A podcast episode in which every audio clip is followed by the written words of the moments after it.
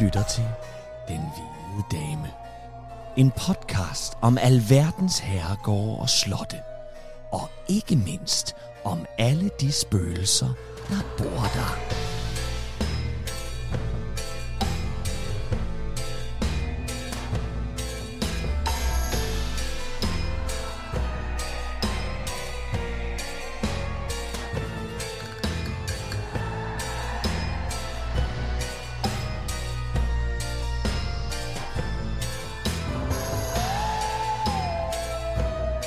Til Den Hvide Dame afsnit 42. Hvis du er lidt af en historienørd og godt kan lide at krydre det hele med en røverhistorie eller to, så burde du være dækket ret godt ind her i vores program. Mit navn er Trine Gadeberg, og overfor mig sidder Kasper Lefebvre. Som ind til denne tredje del om øh, Edinburgh Castle Ja. og Edinburgh by. For dit vedkommende og ting, der foregår rundt omkring der, det er jo... Øh, jeg havde sådan, da vi... Øh, da, al researchen her til, jeg tænkte sådan, hold nu op, mand, altså. Både med, da vi sad, der også da vi sad med, med Tower of London, ikke? Altså det der med, at man ligesom skal holde sig inden for, inden for bygrænsen. Ja.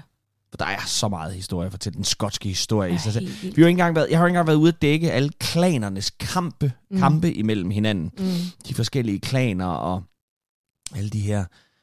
Men jeg, forskellige- jeg støtter også hele tiden på kaninhuller. Det er jo sådan et, åh oh, nej, skal jeg fortælle? Nej, jeg er nødt til at fortælle en historie. Ja. Og så nogle har jeg altså med i dag. Et par Ja. stykker, som var et kaninhul, hvor man tænkte, det er for vild en historie, den er jeg nødt til at fortælle. Du er tilgivet. Vi, Er det? vi vil glæde os til at høre Ja. ja. dem.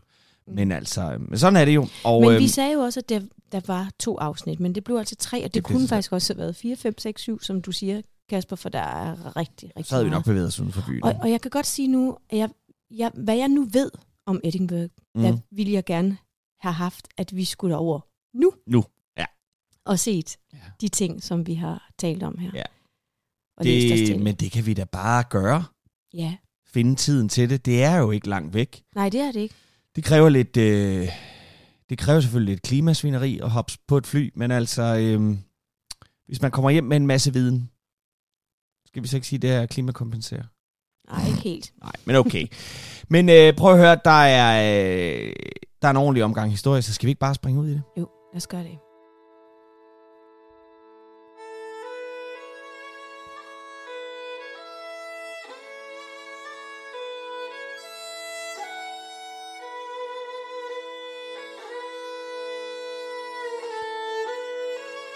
Alex havde egentlig lovet moren, at han ville lægge sig til at sove. Men bogen i hans hånd havde nærmest magisk magt over ham. Han kunne ikke lægge den fra sig. I skæret fra olielampen på hans natbord læste han om, hvordan Henrik den 8. skibe havde ligget ude i Firth of Forth fjorden, og om hvordan tusinder af soldater var gået i land lige her i byen, og havde forsøgt at kidnappe den lille baby Mary Stuart med til England. Han kiggede ud af vinduet, og kunne i det fjerne ane The Firth of Forth fjorden længere ude. I morgen var en skoledag, men han bestemte sig for, at han efter skole ville løbe ud til fjorden med bogen og læse hele kapitlet om belejringen af Edinburgh en gang til. Bare for at mærke stemningen af at læse om et sted samtidig med, at man var der. Han tænkte sig om. Hvis han nu sneg sig ud på gangen og over i farens arbejdsværelse, så kunne han se Edinburgh Castle fra vinduet der, og så kunne han måske, som det sidste, inden han sov, læse om The Black Dinner og de to Douglas-brødre, som var blevet myrdet deroppe af kongens mænd. Han kunne også læse den del af bogen, der handlede om, hvordan Robert the Bruce og William Wallace havde kæmpet mod Edward the Longshank, og så lige låne farens kilt ind i skabet og tage den på at forestille sig, at han selv var en af de to skotske helte i slaget ved Stirling Bridge. Ja, det blev det sidste. Bare lige det kapitel. Og så skulle han også sove.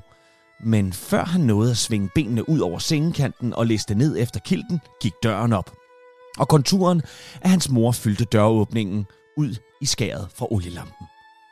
Alex Robertson, sagde moren, i en bestemt, men dog kærlig tone. Det er over tre timer siden, jeg bad dig slukke lyset og gå til ro. Nu er det snart midnat, og her ligger du med dine bøger. Knægt. Hvis jeg igen får at vide af Mr. McGregor, at du har sovet i en af hans timer, fordi du sidder op den halve nat og læser om svundne tider, så får din far det at vide, og så... Alex så op på sin mor med tårer i øjnene. Hvornår kommer far hjem? Snart, svarede moren.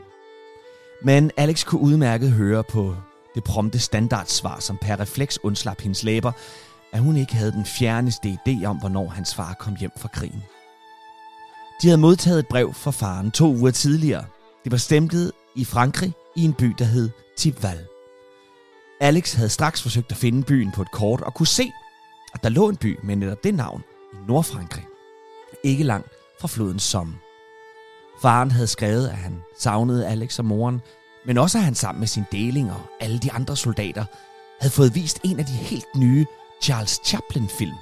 Chaplin som indbrudstyv. Til sidst havde han skrevet, at han og de andre soldater sammen med franskmændene var klar til at møde tyskerne når som helst. Siden brevet havde Alex set overskrifterne på aviserne, som avisdrengene stod med nede på The Royal Mile. Aviserne kaldte det Slaget ved Somme. Alex vidste, at hvis hans far var lige så modig som Robert the Bruce havde været det i slaget ved Stirling Bridge, så ville han snart komme hjem igen. Et øredøvende brag rev Alex ud af hans tanker. Og det tilhørende lufttryk, der efterfulgte, slyngede ham ud af hans seng. Vinduet, hvorfra han havde kunne skimte The Firth of Forthfjorden, eksploderede i en regn af glasstumper og træsplinter. Og i næste nu forsvandt gulvet under ham og hans mor i værelset. De landede begge i køkkenet nedenunder med et hårdt bump. Det sendte en skarp smerte op igennem Alex venstre arm. Han genkendte straks smerten af en brækket arm fra året før, da ham og hans far havde hjulpet onkel Murray med at losse kasser nede på havnen. En stabel af kasserne var væltet, og Alex havde ved den lejlighed fået klemt højre arm under deres tunge vægt. Alex, skreg moren. Alex, tag min hånd!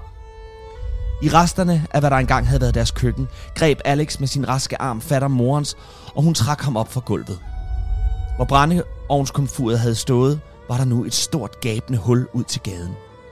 Råb og skrig fra deres naboer nåede Alex ører, og i løbet af få sekunder genvandt han fatningen.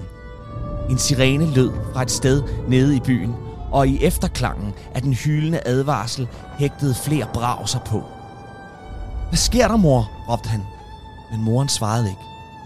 Stod og stirrede op i luften sammen med deres nabokone Abigail Morris, som altid kyldede koks efter Alex og hans venner, når de larmede for meget ude på gaden. Mor? Alex fulgte morens blik hen over taget på skomarens hus og videre op mod borgen, der knejsede sig over byen. Og så så han den. I skæret for de mange brændende huse, som oplyste himlen over byen, højt oppe på himlen, lige over Edinburgh Castle, hang en gigantisk cigarformet genstand. Fra buen af den kunne Alex se en sort genstand blive tabt, og sekundet efter så han, hvordan en eksplosion på vestsiden af muren til den gamle fæstning oplyste nattehimlen så meget, at luftskibet, Zeppelineren, i lysglimtet blev fuldstændig synlig for ham. Han havde godt set billeder af dem før, men havde aldrig troet, at han selv skulle komme til at se en, end sige få sit hjem ødelagt af en af dem. Alex begyndte at ryste af angst, men også hans far var bange lige nu. Sted i Frankrig, i kamp mod tyskerne. Men folk i Edinburgh også havde været lige så bange, dengang englænderne gik i land ved The Firth of Forth og brændte byen ned. Men Alex skulle dø nu. Tiden stod stille for ham, og alt omkring syntes at foregå i halvt tempo. En stor, sort nattesky blev ved endnu en eksplosion oplyst af flammerne, og ud af dens mørke gab gled endnu en zeppeliner lydløst ud til skue for Alex og byen. Luftskibet fulgte den første zeppeliners eksempel og lod en bombe falde ned over, hvad Alex mente måtte være forstaden Leith. Den lille dreng knudede sig ind til sin mor, som løftede ham op på ladet af Mr. Philipsons lastbil, der til daglig kørte med kul, men nu husede flere af beboerne fra Alex gade. Få øjeblikke senere så han sammen med moren fra den bagerste ende af lastbilens lad, hvordan deres gade og brændende hus blev mindre, som lastbilen fandt vej ned mod fjorden, væk fra byen, væk fra de tyske zeppelinere, der som uhyggelige drager den nat, den 2. april 1916, smed 24 bomber over byen, dræbte 13 mennesker, sårede 24 og ødelagde flere hundrede hjem. Luftangrebet på Edinburgh under 1. verdenskrig var varskodet, og politiet og myndighederne i Leith og Edinburgh nåede at udstede en del advarsler og fik slukket så meget lys som overhovedet muligt over byen. Men alligevel lykkedes det tyskerne at forvolde en del skade på den gamle by og borg. Men sidstnævnte var den, der tog mindst skade. At angrebet skulle være kommet fra kæmpe flyvende maskiner, der smed bomber ned over fæstningen, var næppe noget, de gamle bygherrer havde regnet med. Men ikke desto mindre, så viste det sig, at kolossen på Castle Rock var bygget til at modstå fremtidens supervåben. De største skader, som Edinburgh Castle modtog i historien, var ikke fra topmoderne krigsmaskiner under 1. verdenskrig. Nej, de største skader, som nærmest efterlod stedet i ruiner, kom under The Lang Siege, den lange belejring i 1573. Så lad os vende tilbage til, hvor vi sluttede sidste gang. Med henrettelsen af Mary Stuart. For det var begivenhederne, der ledte op til hendes død, som også indebar den længste belejring i slottets historie. Kan I huske, at Mary Stuart jo føder James, eller Jacob den 6. på Edinburgh Castle i 1566, og at herefter var der en gruppe skotske adelsmænd, som tvang hende til at abdicere. Det sker som led i en række åbenlyse skandaler, som splittede skotterne. Først var der jo sagen med Lord Darnley, hendes anden mand, og måske, eller måske ikke, far til James, Jakob, som blev myrdet kort tid efter den nye tronfølgers fødsel. Dernæst var der hele spørgsmålet om hendes tro. Hun var en dybt dedikeret katolik, og hele Skotland havde nu protestantismen som statsreligion.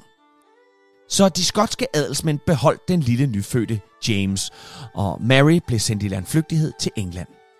Herefter udbryder der borgerkrig i Skotland. På den ene side Mary støtter, som ser hende som den retmæssige monark på Skotlands trone, og på den anden side James den 6. værger, som ønsker Mary sat ud af spillet, og en kommende protestantisk opdraget James den 6. på tronen. I maj 1571 er Edinburgh Castle på Mary Støtters hænder, ledet af William Kirkcaldy af Grange. Han holder på slottet og afværger alle angreb fra de skotske adelsmænd, der ønsker James den 6. på tronen. Han modtager sågar hjælp fra Marys gamle svigerfamilie i Frankrig. De skotske adelsmænd søger nu militær støtte fra Elisabeth den 1. i England, men hun nægter at blande sig militært og sender i stedet en række forhandlere, som skal forsøge at sætte en stopper for borgerkrigen, som af Marys støtter bliver kaldt en religionskrig. I juli 1572 lykkes det forhandlerne at lande en våbenhvile, som mere eller mindre spærrer William Kirkcaldy inde på slottet med hans folk. Og selve Edinburgh by er så belejret af barnekongen James den 6. støtter, ledet af Jarlen af Lennox. 1. januar 1573 udløber fredsaftalen, og William Kirkcaldy af Grange begynder at skyde fra slottet på Edinburgh by. Men selvom han var i besiddelse af mere end 40 kanoner, så havde han nu kun 9 kanonerer til at bestyre dem.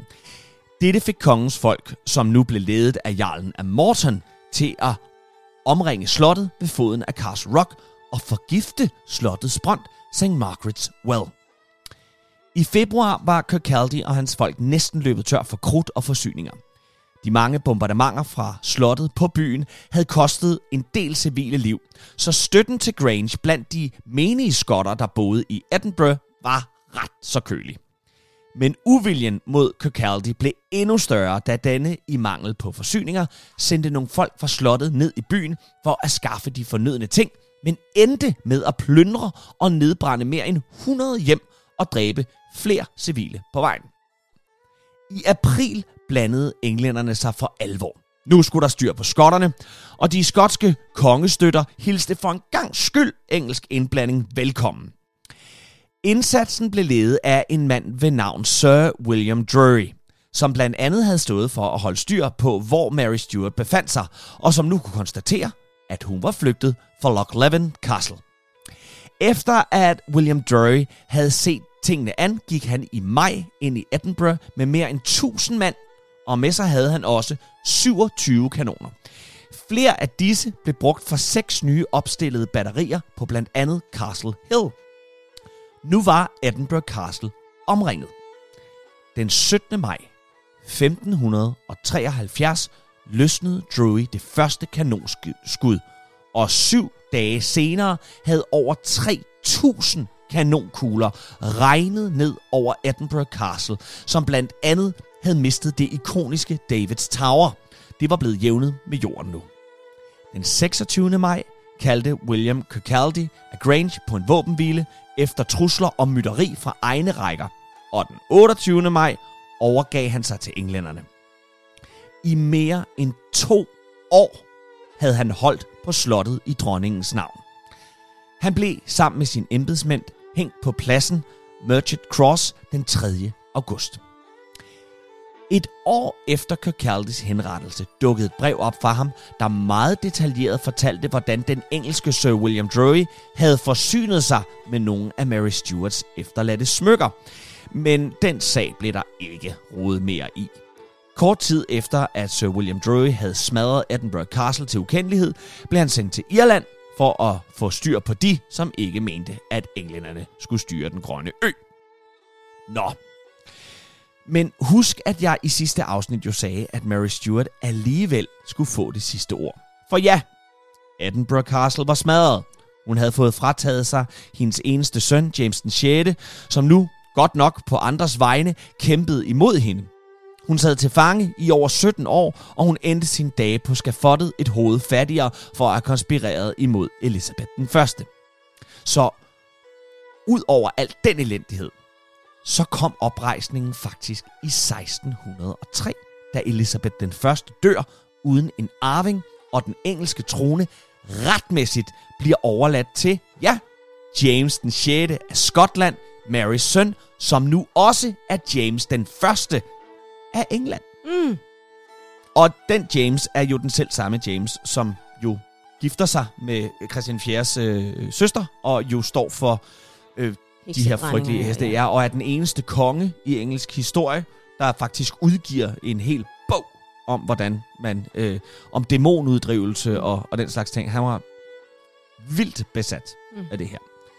Øhm, men den historie fortæller vi jo også lidt om i, øh, i uh, Tower, hvor vi også fortæller, hvordan at James jo faktisk meget smukt øh, steder både øh, Mary og øh, Elizabeth til hvile, øh, næsten side om side i, øh, i, øh, i Westminster Abbey. Øh, og ligesom forsoner de to kvinder i døden. Ja, Så øh, der, der kommer en, en, en fin afslutning på det her. I midten af 1600-tallet sørger Charles den anden for, at Edinburgh Castle bliver til den militærbase, det er i dag.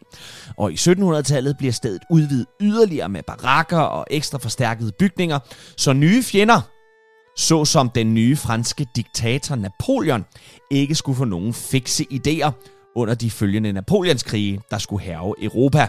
Og må jeg lige i den forbindelse sige til lytterne, at hvis ikke I har set traileren til Ridley Scotts kommende film Napoleon. om Napoleon, mm. så gør lige det.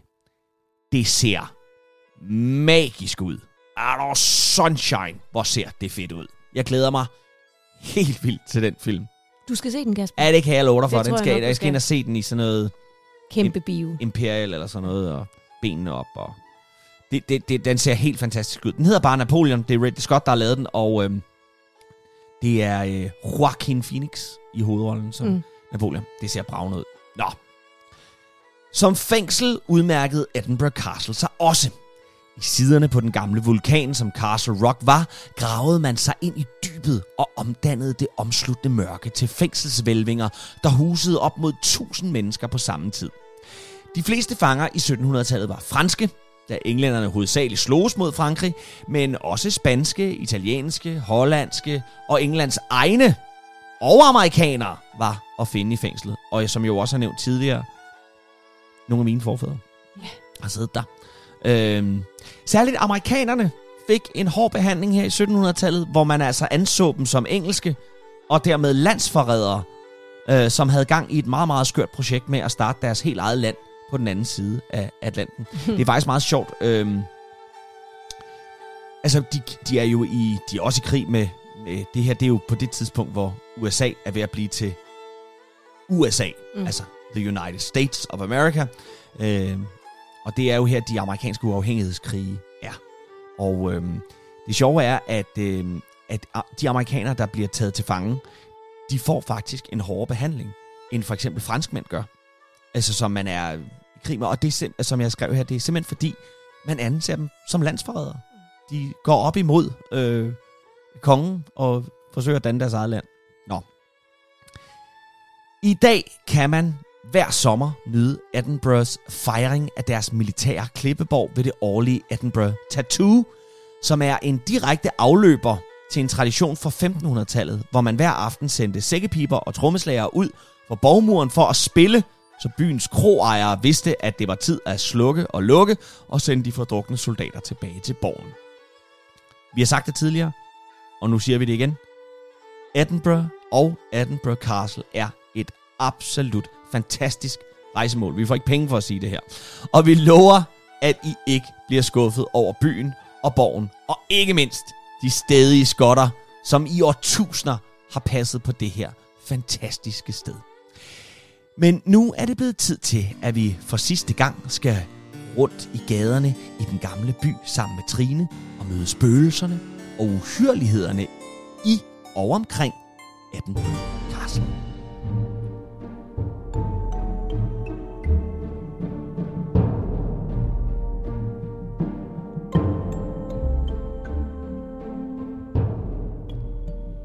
Edinburgh var den mest førende inden for anatomilærer, og studerende fra hele Europa rejste altså hertil for at lære alt om kroppens mysterier.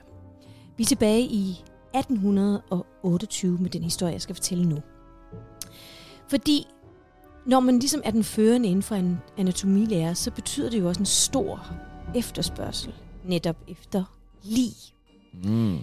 Men i Skotland, der var der en lov, der kun tillod øh, anatomiskolen at arbejde med lig fra fanger, fra nogen, der er begået selvmord, fra efterladte babyer, fra børnehjemsbørn. Skrupelløse folk begyndte altså at stjæle lig fra kirkegården og sælge dem, fordi det kunne man altså gøre en god forretning på. Men det betød også, at man begyndte at lægge tunge sten på graven, når man altså begravede sine kære, så lagde man kæmpe store sten henover, fordi så kunne man jo ikke fjerne ligene. Mm. Øh, og man, man vidste så, at man kunne fjerne stenene, når de sådan var begyndt at, at, at opløse sig selv, øh, fordi så kunne videnskaben ikke længere gøre brug af ligene. Men man begyndte også at lave metalkister, eller også så begyndte man at hegne gravstederne ind med sådan et jerngitter, både for over som et låg, øh, så de hverken kunne komme fra siden eller oppefra. Mm. Øh, andre hyrede simpelthen privat vagter til at holde øje med de her gravpladser. Og der var faktisk mere opsyn på det her tidspunkt på, øh, på gravene, end der var øh, på deres banker. Det er lidt sjovt. Så de passede på deres ja. Liv mere, end de passede på deres Ja. penge. Øhm, alle de her tiltag betød jo så, altså, at lig kom virkelig i høj kurs. Kort sagt, man kunne altså virkelig tjene gode penge på sin bedstemor. William Hare og William Burke var to immigranter fra Irland, der kom til Skotland for at arbejde. William Hare drev sammen med sin kone eh, Margaret et pensionat, og der flyttede William Burke ind med sin hustru Helen. Og det viser, at de to par fik det faktisk ret sjovt sammen. Ikke? De elskede begge par at feste, og de elskede virkelig whisky. Men de elskede også en god forretning, og sådan en kom til dem fra helt uventet kant. Fordi en aften fik en af, af beboerne i pensionatet øh, et ildbefindende og døde. Og William Herre var ganske fortvivlet. Ikke over dødsfaldet, men mere over, at den døde skyldte ham fire pund. Vennen William Burke og, og, og ham kom altså på den idé så at sælge livet til videnskaben. De begyndte at lede efter en køber, og de fandt hurtigt Dr. Knox, som altså underviste øh, på anatomiskolen. Og Dr. Knox, han betalte dem 7 pund og 10 shilling for livet. Hvilket på det her tidspunkt var en anselig klump penge. Altså det svarer til omkring øh, i dag 6.000 kroner. Så kan Hold man da sige, okay, på det tidspunkt har det jo virkelig været mange, mange Hold da penge. op, I dag, så meget. Ja, Hold da 6.000 op. kroner Ej, hvor vildt, mand. Og det kunne du godt se. Ja, Ja, ja. En fed forretning, ikke? Ja, for pokker. Øh, da de forlod universitetet, så lod assistenten dem vide, at de endelig gerne måtte komme igen. Med andre ord, bring us some more dead bodies. Og der startede det for dem altså en obskur forretning. De nøjes ikke blot med folk, der i forvejen var døde af naturlige årsager. Nu gik de på morderjagt. Den her metode, øh, som de fandt på på det her tidspunkt, det var, det var altså umuligt øh, for folk og for politiet og for alle mulige at forklare, hvordan vedkommende var død. Man kunne simpelthen ikke spore øh, dødsårsagen. For det, de gjorde, det var, at de startede med at drikke deres offer i hegnet. Og så satte den ene sig oven på offret, mens den anden holdt offret for mund og næse. Med andre ord, lungerne kunne ikke løfte sig selv op, når, når vedkommende ville hive efter vejret, fordi at der sad jo ligesom en mand ovenpå ham, Mm. og luftvejene var spadet. Og det betød altså, at offeret døde af drukning. Lidt sjovt, ikke? Jo. Altså, vedkommende blev nærmest... Ja, ja. Og man har ikke Kvæg. kunne se, så har der ikke været nogen mærker på halsen, og man har Du ikke kunne simpelthen ikke få vejret. sige, det var mor, vel? Nej, du kunne Det har ikke se, ikke for der var ikke nogen, øh, altså der var ingen mærker, efter, øh, og livet efterlod ingen mærker. Og det var netop meget, meget vigtigt, øh, når man skulle bruge det til, til videnskab, ikke? at der ikke var øh, mærker nogen steder. Hverken knivstik, eller at der var æder eller kvælning, og derfor kunne livet sælges for ypperste pris. Wow. Man mener på den her måde, at 16 mennesker har måttet lade livet øh, fra William Hare og William Burke. Og den før omtalte Dr. Knox var yderst tilfreds med de her meget, meget friske lige. Og spurgte på intet tidspunkt ind til, hvordan de var kommet af dage. Men en dag, der kom de to herrer altså med et lig med deforme fødder. Og, og nogle af de her studerende, de, kendte, de genkendte den døde, fordi at det var en meget, meget vældig ung mand i byen, ja, som folk var meget begejstrede for. Han var en meget, meget sød og ram øh, menneske, men han havde de her deforme fødder, og de undrede sig derover, øh, så over, hvorfor han netop lige nu var død. Altså, De han kunne havde, genkende ham på ja, de kunne fødderne? genkende ham på fødderne. Ah, okay. Dr. Knox, han skyndte sig øh, og save ben og hoved af, så det næste hold studerende ikke skulle stille yderligere snagende spørgsmål ind til, hvem den døde var. Men snakken begyndte altså at gå, og Burke og Herre, da de gjorde det af med en midaldrende kvinde, så opdagede nogle af de logerende i pensionatet et kvindelig under sengen. Og derfor blev de alle fire, altså blev alle fire anholdt af politiet og deres koner med, fordi de var også en del af de her Ja. ugerninger. Men manglende beviser på de her mor også igen, fordi at øh, de var jo blevet brugt Mm, mm. til, øh, til hvad skal man sige, anatomilærer, Ja. så, så kunne de jo ikke, øh, de, de var jo nødt til at, de kunne kun blive anklaget for det ene mor, som de havde fundet under sengen, ikke?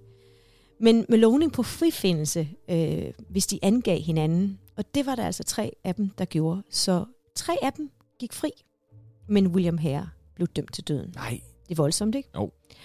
Og den hængning af William Hare blev en offentlig begivenhed. Der blev ligefrem solgt billetter til forreste række. Og han blev hængt til stor jubel for pøblen, og efterfølgende dissekeret for åbent skue som et ekstra vandære af ham. Hold op. Og faktisk, så kan man se skelettet af ham på Anatomimuseet, hvor vi to vi har været, Kasper. Ja. Jeg mener faktisk også, at vi har stået og kigget på ham. Men vi har igen ikke vidst, det var ham. vi har ikke kendt nej, den her nej, historie. Nej, nej, nej. Så jeg, åh, hvor vil jeg gerne tilbage og lige kigge på Ja, ham igen. ja. De andre de flyttede ud af byen, og Dr. Knox blev af folkedomstolen kendt skyldig, og de generede ham ofte med at afbrænde billeder af ham, og altså virkelig, virkelig øh, mobning. Øh, til sidst måtte han opgive og flytte fra byen. Altså han var, han var, Sikke noget. han var udstødt. Må jeg komme med et lille Ja, ja. add-on til... Jeg, jeg skal lige sige, at det her, det, det er en voldsom historie. Ikke? Ja. Men ved du hvad, Kasper? Nej. Det er en sand historie. Ja, det tror jeg på. Det er voldsomt, ikke? Det tror jeg på. Ja. Nu skal jeg komme med en anden sand historie. Mm. Mm. Øh, bare lige for lige at følge op på det, fordi vi netop er i Edinburgh. Øh, og øh, vi var jo netop på det her anatomimuseum, som jo også øh, er øh, det, der hedder The Royal Infirmary. Og på The Royal Infirmary, der, øh, der, øh, der arbejdede en, øh, en kirurg, som hed Joseph Bell. Og Joseph Bell, han mødte tilbage i 1877 en, øh, en, øh, en øh, ung forfatter, der øh, spirende forfatter, der også arbejdede, øh, der også kom på The Royal Infirmary. Den forfatter, han hed Sir Arthur Conan Doyle. Og hvis det ringer lidt en kendt klokke, så er det forfatteren bag Sherlock Holmes. Mm. Og han blev så betaget af Joseph Bell, for Joseph Bell var en af de første af de her, øh, hvad hedder det, øh, øh, øh, øh, retsmedicinere, som jo simpelthen kunne drage de vildeste konklusioner ud fra lignes tilstand, at han lod sig inspirere. Så Joseph Bell på The Royal Infirmary i Edinburgh er den direkte inspirationskilde til Sherlock Holmes. Det er sjovt. Er det ikke meget skægt? Jo. Og det er jo øvrigt også, altså der må vi også sige, at det skal folk tage hen og se. Det er, museum. det er meget makabert, Det er men det er super spændende. Ja, det er det er meget, super, meget super spændende. spændende. Ja. Ja. ja. Så Ja. det skal I gøre. Nu vil jeg fortælle dig historien om Norloch. Ja. Øhm, Man skabte Norloch i 1460 som et værn mod indtrængen fra nordsiden af Edinburgh. Øh, Norloch er um, en sump, kan man sige. Øh, en sø. Altså, og det er meget, meget svært, når man er der nu, øh, Kasper, at forestille sig, at der engang her har været en stinkende sump, der hvor der nu er en meget, meget smuk park Mm-hmm. anlagt. Men i 1460, der kunne man jo ikke vide, at byen ville vokse fra 400 borgere til 50.000 borgere, og det blot på 400 år. Bum. Man opdæmmede jorden og fyldte det med vand, og så holdte det jo, som jeg sagde, alt inde og alle ude. Men det, der kun skulle være en barriere, endte med at blive en losseplads for alverdens ting. Når jeg selvfølgelig også de her hekseafprøvninger var der en hel del af. Øh, I ved de der med, at man, man bandt dem på hænder og fødder og kastede dem, kastede dem i det ulækre vand. Mm. Jeg har fortalt om det Ja, sidste gang. ja, ja. Vi har fortalt om det flere gange. Men Norloch blev altså også brugt som affaldsgrav her i røg affald fra slagterierne, ufiltreret spildevand, husholdningsaffald, selvmord, øh, man druknede kriminelle der. Kort sagt, alt det, som virkelig var, var ulækkert, den blev brugt som affaldssø i tre århundrede, men endte altså op med at blive øh, drænet for vand.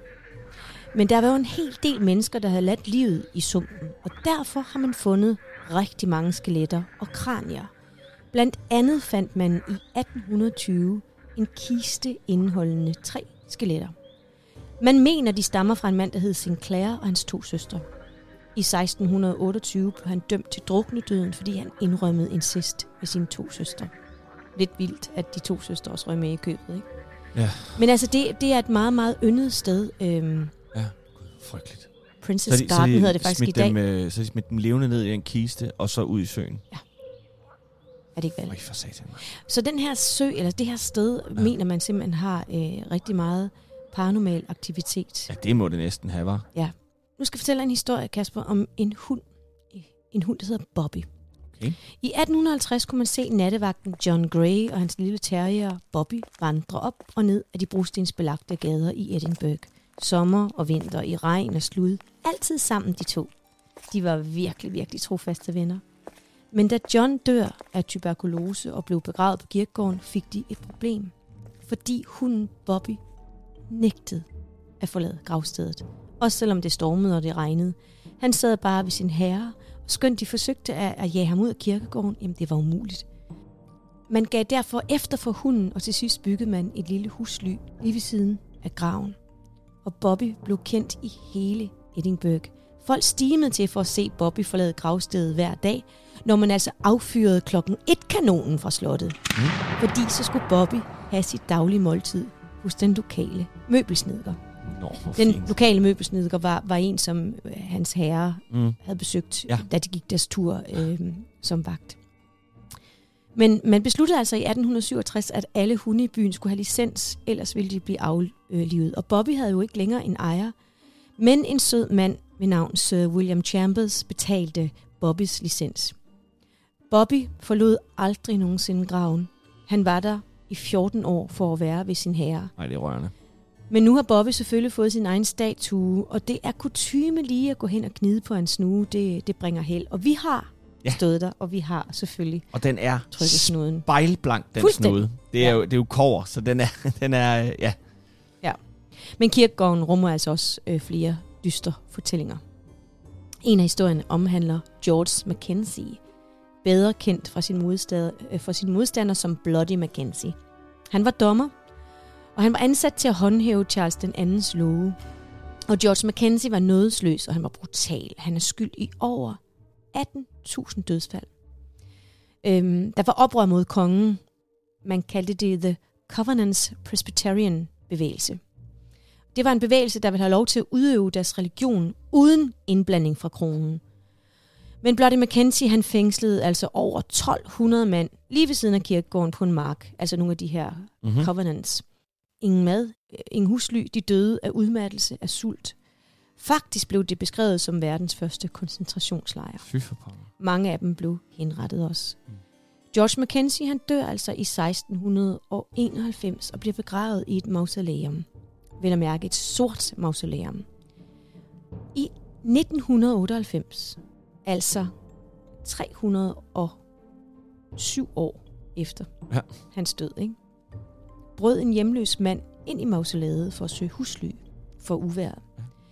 Den hjemløse mand, han, han gik sådan lidt rundt derinde om natten der, lidt forvildet måske, jeg ved ikke. Han forsøgte i hvert fald at åbne kisten.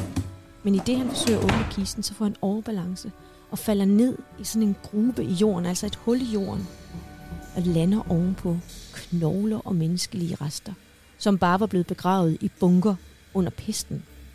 Folk på det her tidspunkt, der ikke overlevede under pesten, de blev begravet i grupper, og også mange andre syge, som døde undervejs, blev begravet bare langs vejkanten, altså bare smidt. Vi ved det, fordi øh, deres rester den dag i dag blev ved med at dukke op i folks private haver. Men den her hjemløse mand, han blev selvfølgelig temmelig chokeret og løber skrigende ud fra stedet, og man ser ham aldrig mere. Siden den dag har Bloody Mackenzies ånd angrebet mennesker, altså man, man får simpelthen slået hul på den gravfred der. Over 500 mennesker har rapporteret krassemærker, bidemærker, sår, ubehagelig skubben, blå mærker, når de har besøgt mausolæet. En eksorcist forsøgte i 2004 at rense stedet, men da han var i gang med at udføre ritualet, så lige pludselig så smækker han bare bogen i, løber sin vej, mens han skriger. De her kræfter er alt for voldsomme, og ugen efter, så fandt man ham død af et uforklarligt hjerteanfald. I dag kan man kun besøge stedet under kontrolleret forhold. Man kan altså ikke bare gå derind. Det er Shit, det er da vildt. dalen dulme. Tænk sig, at der har været gravfred siden 1691, hvor han bliver begravet, og så kommer han til at falde hen over de her lig i 1998, og så er fanden løs i laksegal.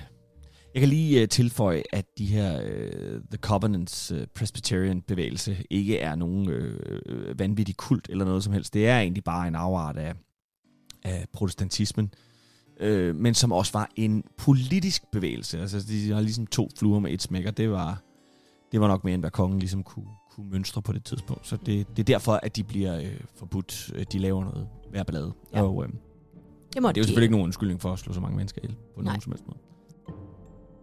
Nu skal jeg fortælle dig historien, Kasper, om The Vaults. I slutningen af 1800-tallet besluttede man at bygge to broer, øh, og på den måde forbinde byen bedre med slottet. I 1900-tallet var der virkelig gang i handelslivet, og man havde brug for flere butikker. Dem etablerede man i broens vælvinger, men man hastede byggeriet igennem, og man får altså ikke det forsejlet godt nok. Med andre ord, det var umuligt at have butikker der, da der ofte var oversvømmelser.